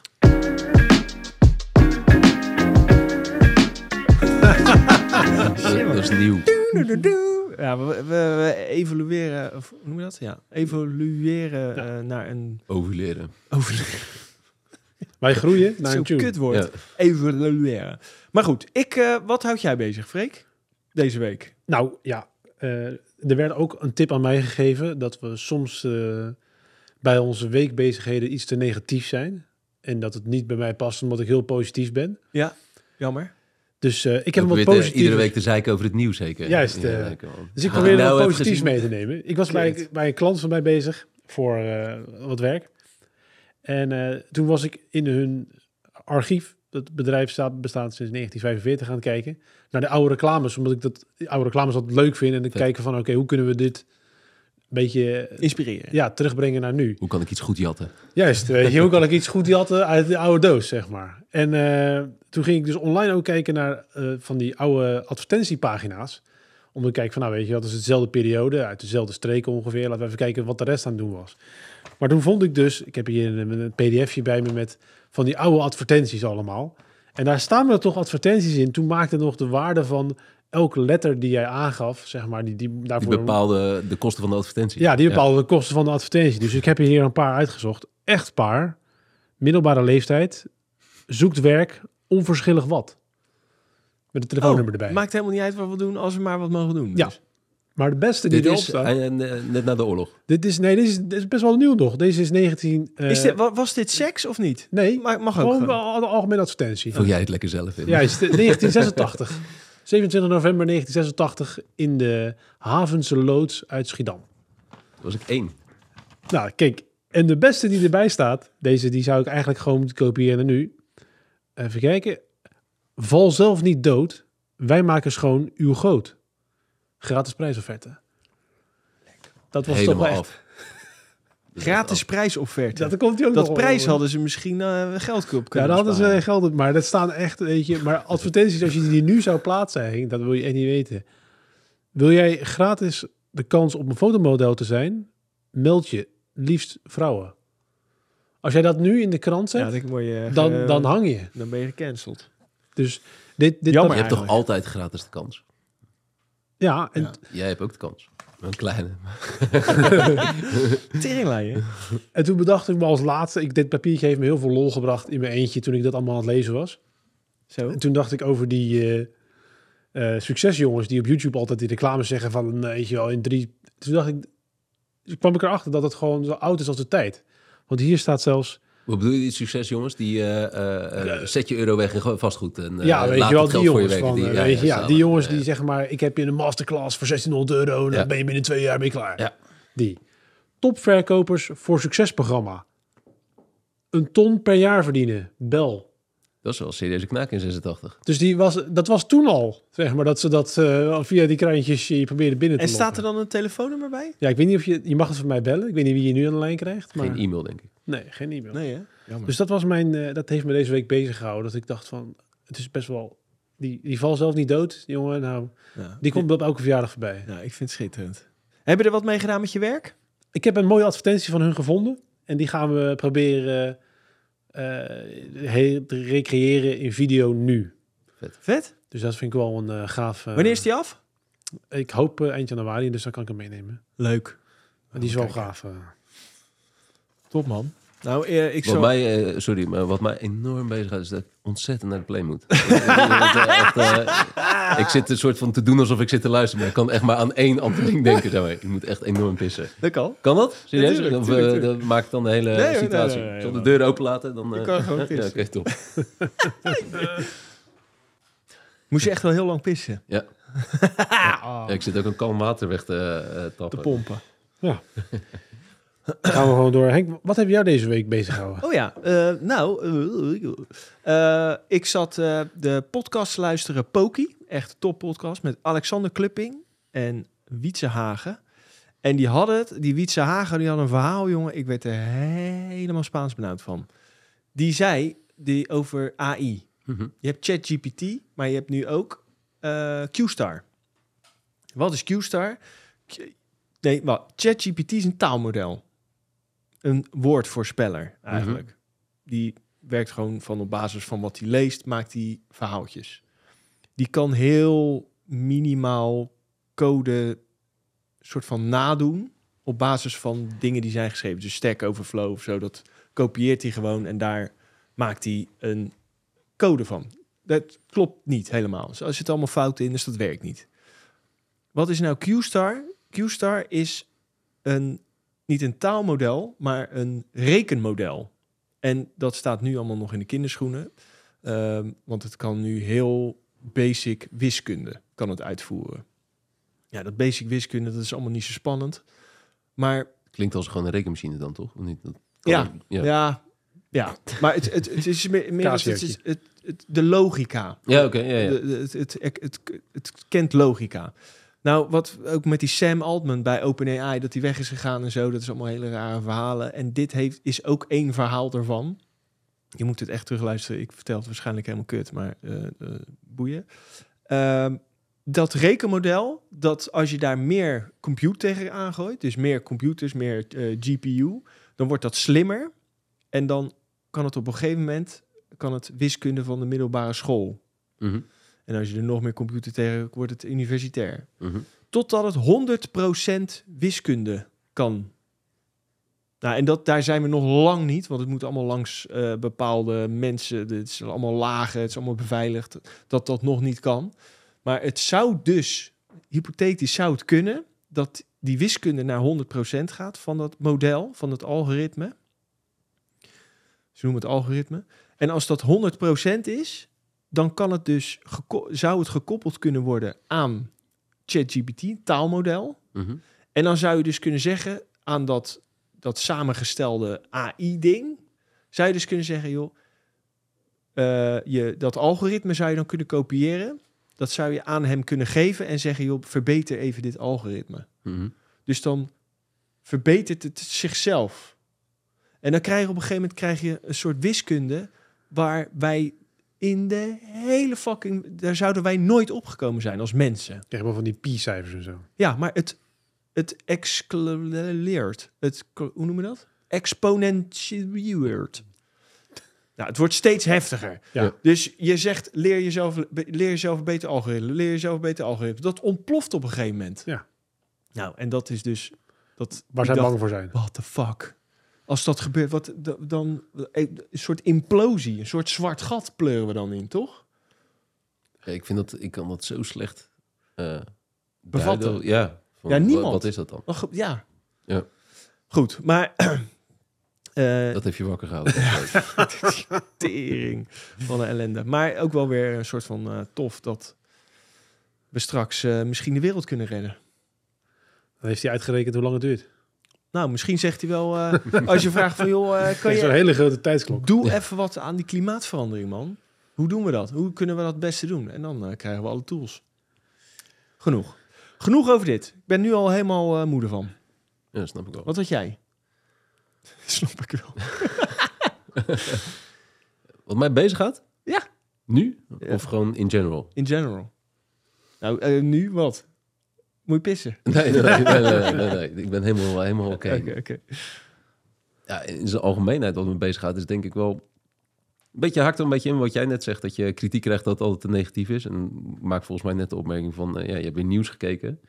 Dat vind ik toch wel een ding, weet je wel. Dat je daar, dat je heel de tijd wordt volgedouwd met informatie eh, die allemaal binnenkomen als zijn eh, problemen waarbij je een natuurlijke reactie hebt. Ik moet hier iets mee. Maar vaak dat het heel ver buiten je invloedssfeer ligt of zoiets. Dat is een beetje in algemene termen een soort van... eh, of dat nou oorlogen zijn, of eh, eh, klimaat, of eh, ehm, eh, politiek, of eh, ehm, gezondheid. alle grote thema's, zeg maar. Het lijkt wel alsof het een sport is om mensen zoveel mogelijk vol te douwen met de negatieve scenario's. En kijk, ne- neem als voorbeeld natuurdocumentaires. Dus ehm, eh, ik vond het zalig om te kijken altijd, weet je wel. Dat is een soort van eh, next level snoeker eh, om, om te kijken. En Alleen nu, als je ze nu kijkt, degene van de afgelopen vier, vijf jaar, zit er altijd een saus overheen dat het eigenlijk helemaal kut wordt. dat is eigenlijk. Ja. En David Attenborough. ja, iedereen wil. Ja, het is zalig. Ik ga hem niet nadoen, maar ik- ja, ik- die. Die, de, er zit daar nu altijd zo'n element in van eh, we gaan kapot. Ja. En, en eh, ik vind dat best wel heftig om daarmee om te gaan. Ik kijk ze ook niet meer, man, daarom. Hè? Daardoor. Ja, maar de, de- het vervelende, als je een beetje ehm, eh, op mij lijkt in ieder geval, is dat je dan jezelf ook weer, oh, zie ik maar weer mijn struisvogelpolitiek. Ben ik mijn kop in? Ja, Ja. nee. En ik, en ik ben ook wel zo privileged dat ik dat dus kan. Dat ik het dus buiten kan houden, weet je. Want ik, ik, ik heb niet te maken met de gevolgen van X. En vind dat wel een soort van... ehm, eh, dat is wel iets wat me veel bezighoudt, denk ik, of zo. Dat je daar... En wat kun je daar dan wel mee? En dan als ik dan wat langer over nadenk, heb ik vaak zoiets van, ja, weet je, ik, ik ben eh, binnen één minuut op de hoogte als er een high school shooting in Austin, Texas is. En dan zit ik ehm, eh, vol verhoging en, en eh, verbolgen zitten. Oh, hoe kan het nou? En de wapenlobby. En, en, maar dat is in fucking Austin, weet je wel? Ik woon in Numansdorp. En, eh, eh, en nee, maar het raakt mij gek genoeg niet. Maar het eh, raakt me dus wel. En terwijl als er ehm, eh, eh, in mijn straat of in mijn buurt of in mijn dorp of in mijn provincie iets gaande is, dat er, ehm, eh, weet ik veel, of een bos gekapt wordt of een, een sociale voorziening wordt gesloten of zo, daar heb ik invloed op. Ja. Niet dat ik dat gelijk doe hoor, begrijp me niet verkeerd. Maar dat zijn wel dingen waar ik nu de laatste tijd wel zoiets heb van ja, hoeveel moet je weten? Weet je wel? En, eh, en, en dat is ook, dat haakt ook een beetje in op het, eh, op het bedrijf wat wij hebben.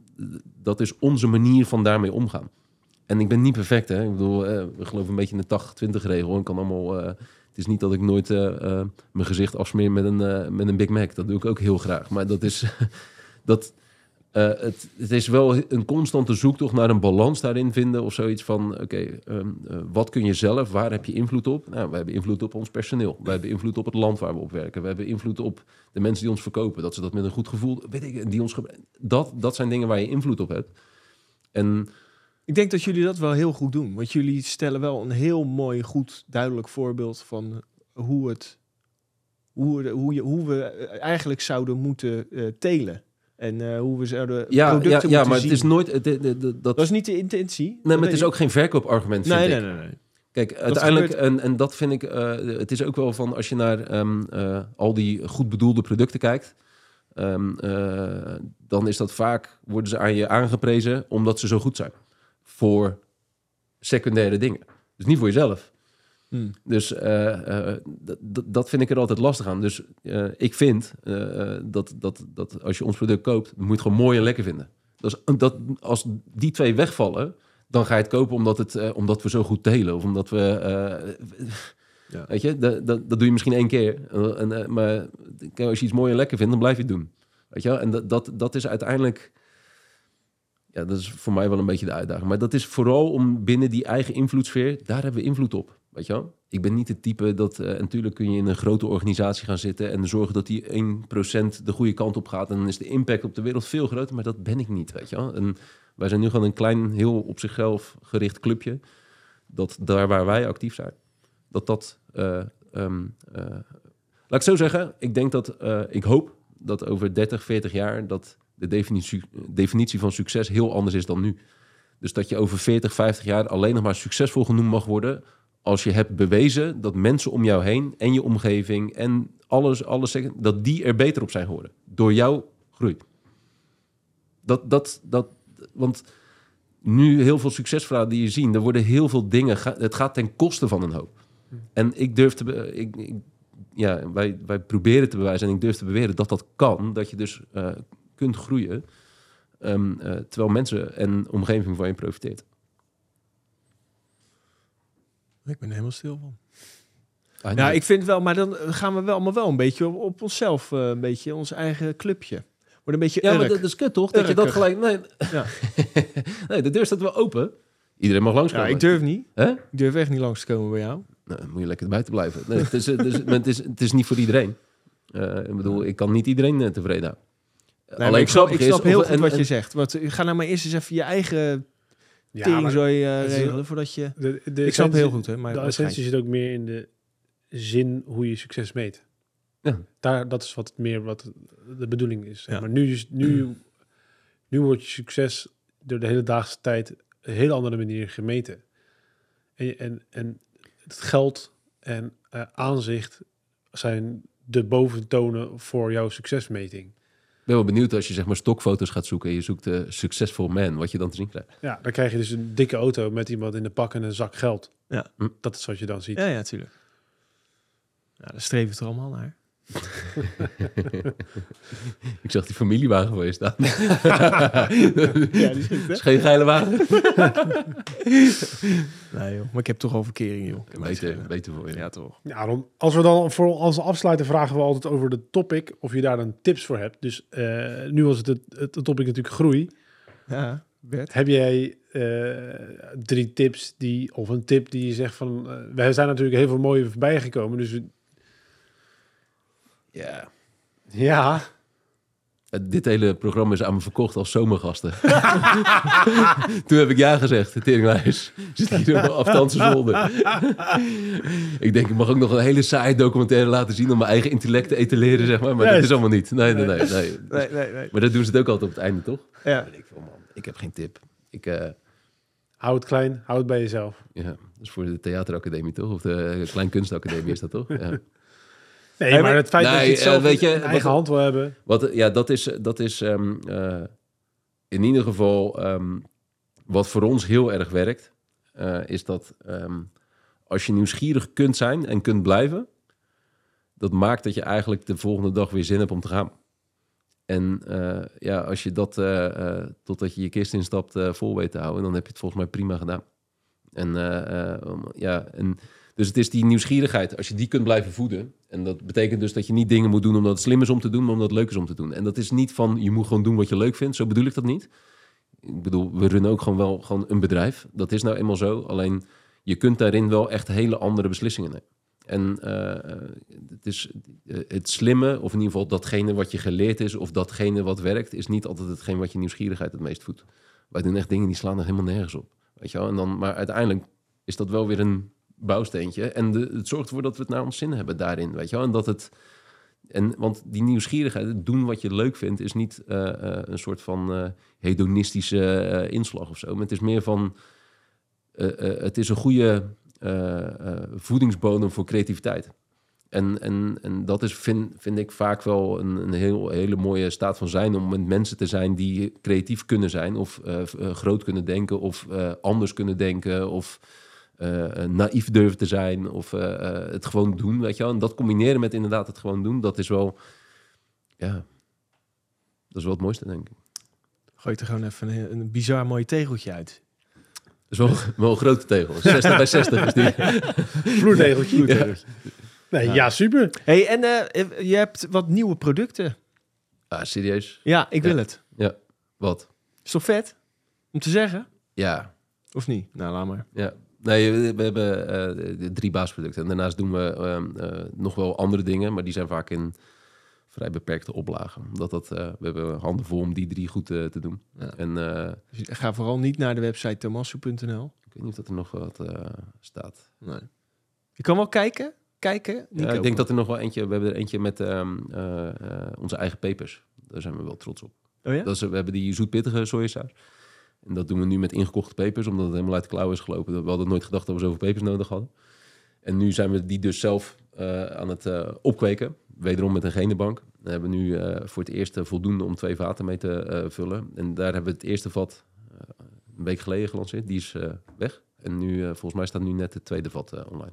Voor de kerstmis. Lekker. Wat voor peper is Hoe noemen die peper? Een Madame Jeanette. Oh, Madame Jeanette. Ja. Oké. En daar zijn heel veel variaties van. Ja? En wij hebben de, ehm, eh, met goede begeleiding van de Universiteit van Wageningen hebben we een eh, voorselectie gedaan. Dat is wel een leuk verhaal. Dat we, hadden, eh, twee jaar geleden hadden we, nee, drie jaar geleden zijn we begonnen. Hadden we acht, acht ehm, eh, aanverwante soorten van de Jeanette. Dus allemaal familie van. Over, die op verschillende plekken op de planeet groeien. Die hadden naast elkaar gezet. Helemaal smaakselectie, verhaal. We, we gaan nu... het jaar erop eh, eh, eh, zaad gecollecteerd, opnieuw ingezaaid. Blijkt het een kruisbestuiver te zijn. Dus dat er, er zitten planten, er zit een paarse en een gele en een rode aan. Dus dat was die hele verhaal van die smaakselectie. Het was gewoon één mix geworden. Dus, Oh, echt? Ja, het was een, een eh, heel mooi eh, staaltje basisbiologie, zeg maar. eh, die we daar even... werden met de neus op de feiten gedrukt. Dus we Ja. hebben dit jaar hebben we één van die pepers hebben we gepakt. Daar hebben we er nu genoeg van eh, om... eh, dus die staat inderdaad... Dat is inderdaad een nieuw eh, product. Maar die zijn er niet zoveel. Nee. Oké. Gaaf, man.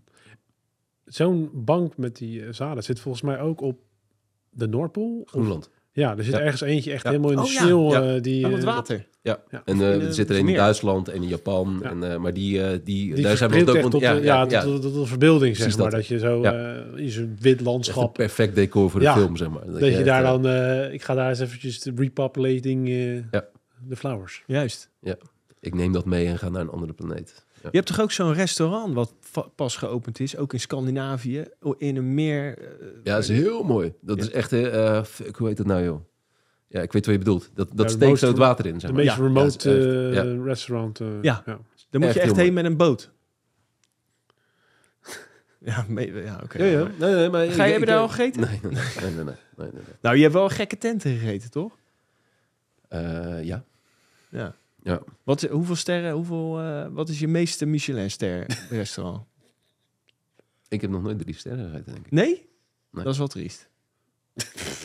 Hoeveel sterren heb jij Ik gegeven? heb, ik heb wel... ik heb een eh, keer in... eh, eh, Ja, we bedoelen Michelin-sterren, niet ja, in een Spanje. de Vegas-ster In, ik was in het beste restaurant van de El wereld. Nee, want die was toen eh, we- eh, derde. En die Nobu, Nobu, hoe heet die andere nou? Nou, No, Nobu is wel bekend. die had een schimmel in zijn keuken. En toen was de eh third, eh, third, die was ineens eh, naar de first. Ehm Escolera de Bambina. Nee, ik weet niet hoe die heet, man. Kut, sorry. Nou, kom ik nog op terug. Dag. Nee, ik vind het... ehm, eh, eh, dat is wel altijd wel een hele... we komen nu best wel in hele mooie plekken, zeg maar. En dan... Ik vind het echt fantastisch, maar ik vind het ook een... Op, het staat zo op zichzelf. Ik vind dat... Dat heeft bijna niet meer met eten te maken voor mij. Zeg maar. Ik vind dat gewoon... eh, dat is... zo- ja, ik weet niet, Dat is man. Ik- kunst. Ja, dat vind ik echt. En eh, ja, ik, ik ben het ook dan. Het is ook niet. Het is hetzelfde als dat je naar een concert gaat. Dat hoef je ook niet elke avond mee. te- Op een gegeven moment. Dus er moet wel echt veel ruimte tussen zitten bij mij. Want eh, het is niet dat ik dat even zo opeet of zo. Dat, eh, dat, ik vind eten niet eens een woord. En, eh, de- wat je daarmee zou. eh, eh. Ervaring. Ja, dat vind ik, ook- dat vind ik ook wel weer kut. Maar Voel je, me- voel je nietig als je je vork erin zet? Van, jezus, ben ik... Nee, maar dat, is wel grappig. Ik probeer dan nooit te delicaat. Dat, ik- dat, eh, ik probeer ook altijd een klein beetje Tony Soprano erin te mengen. weet je, dat ik een beetje zo ga zitten. Maar ook niet te. Dus het- ik ben er wel voor- heel erg mee bezig. dus nee, ja, ik weet niet man. Ik, eh, ik vind dat altijd heel bijzonder. En eh, ik vind het vooral niet normaal. Dat is het eigenlijk. Dat er... eh, we komen nu wel eens op plekken en dan eh, leveren we zelf. En dan zie je 's ochtends om eh 9 uur, half tien... zijn er gewoon al 60 man aan het werk. Weet je wel? Gewoon om, om de lunch voor te bereiden of om het diner voor te bereiden. En dat, dat, ja, dat, dat, dat is gewoon anders, weet je. Dat, dat, dat is niet eten. Ik vind dat heel anders. Superman. Ja. Bert, super dat je er was. Het was echt, we hebben goede tips gehad en een prachtig verhaal hebben jullie. Dankjewel. En, eh, Heel veel eh, succes met eh, de business. En Ja, met je... Kom een keer langs, man. ja, graag. Ja. We komen zeker een keer langs. Gaan we het even heel lang over wiskunde en AI hebben. ja, je moet echt goed slapen hè, van tevoren. Want het is... eh, Ik, ik bereid me helemaal voor. Ik heb er nu al zin in. Oké. Lang nou, geleden geweest. Ik? Ja. Nee, pas nog. Oh ja, tuurlijk. Ja. Tuurlijk. Ja, ja. Ja, ja, dat is waar. Ja. Nou, we gaan snel. gasten even uitgebreid. Die, Gaan die ze- rondleiding was vroeger, was, het, eh, was je binnen een uur klaar. Nu ben je gewoon... eh, Ik heb nog foto's volgens mij dat je in die eerste brouwerij staat. Ja. Ja, dat kan apart. Ja, We gaan mooi. die trip snel plaatsen. Ja. Yes. Snel boeken. En eh Henk, ik zie je de volgende keer. Ja. Vergeet niet te liken en te abonneren. Want dat vinden wij hartstikke leuk. En je proeft de echtheid bij die Henk, hè. Maar het is wel echt zo. Een Ja. like, een We reactie. hebben nog steeds te weinig review likes. Ik wil gewoon geeft echt eh, meer likes. Wereldwonderen. Zalig. Bert, bedankt. Jij bedankt. Henkie, tot de volgende keer. Tot de volgende keer. Bye. Dankjewel. Stories, maar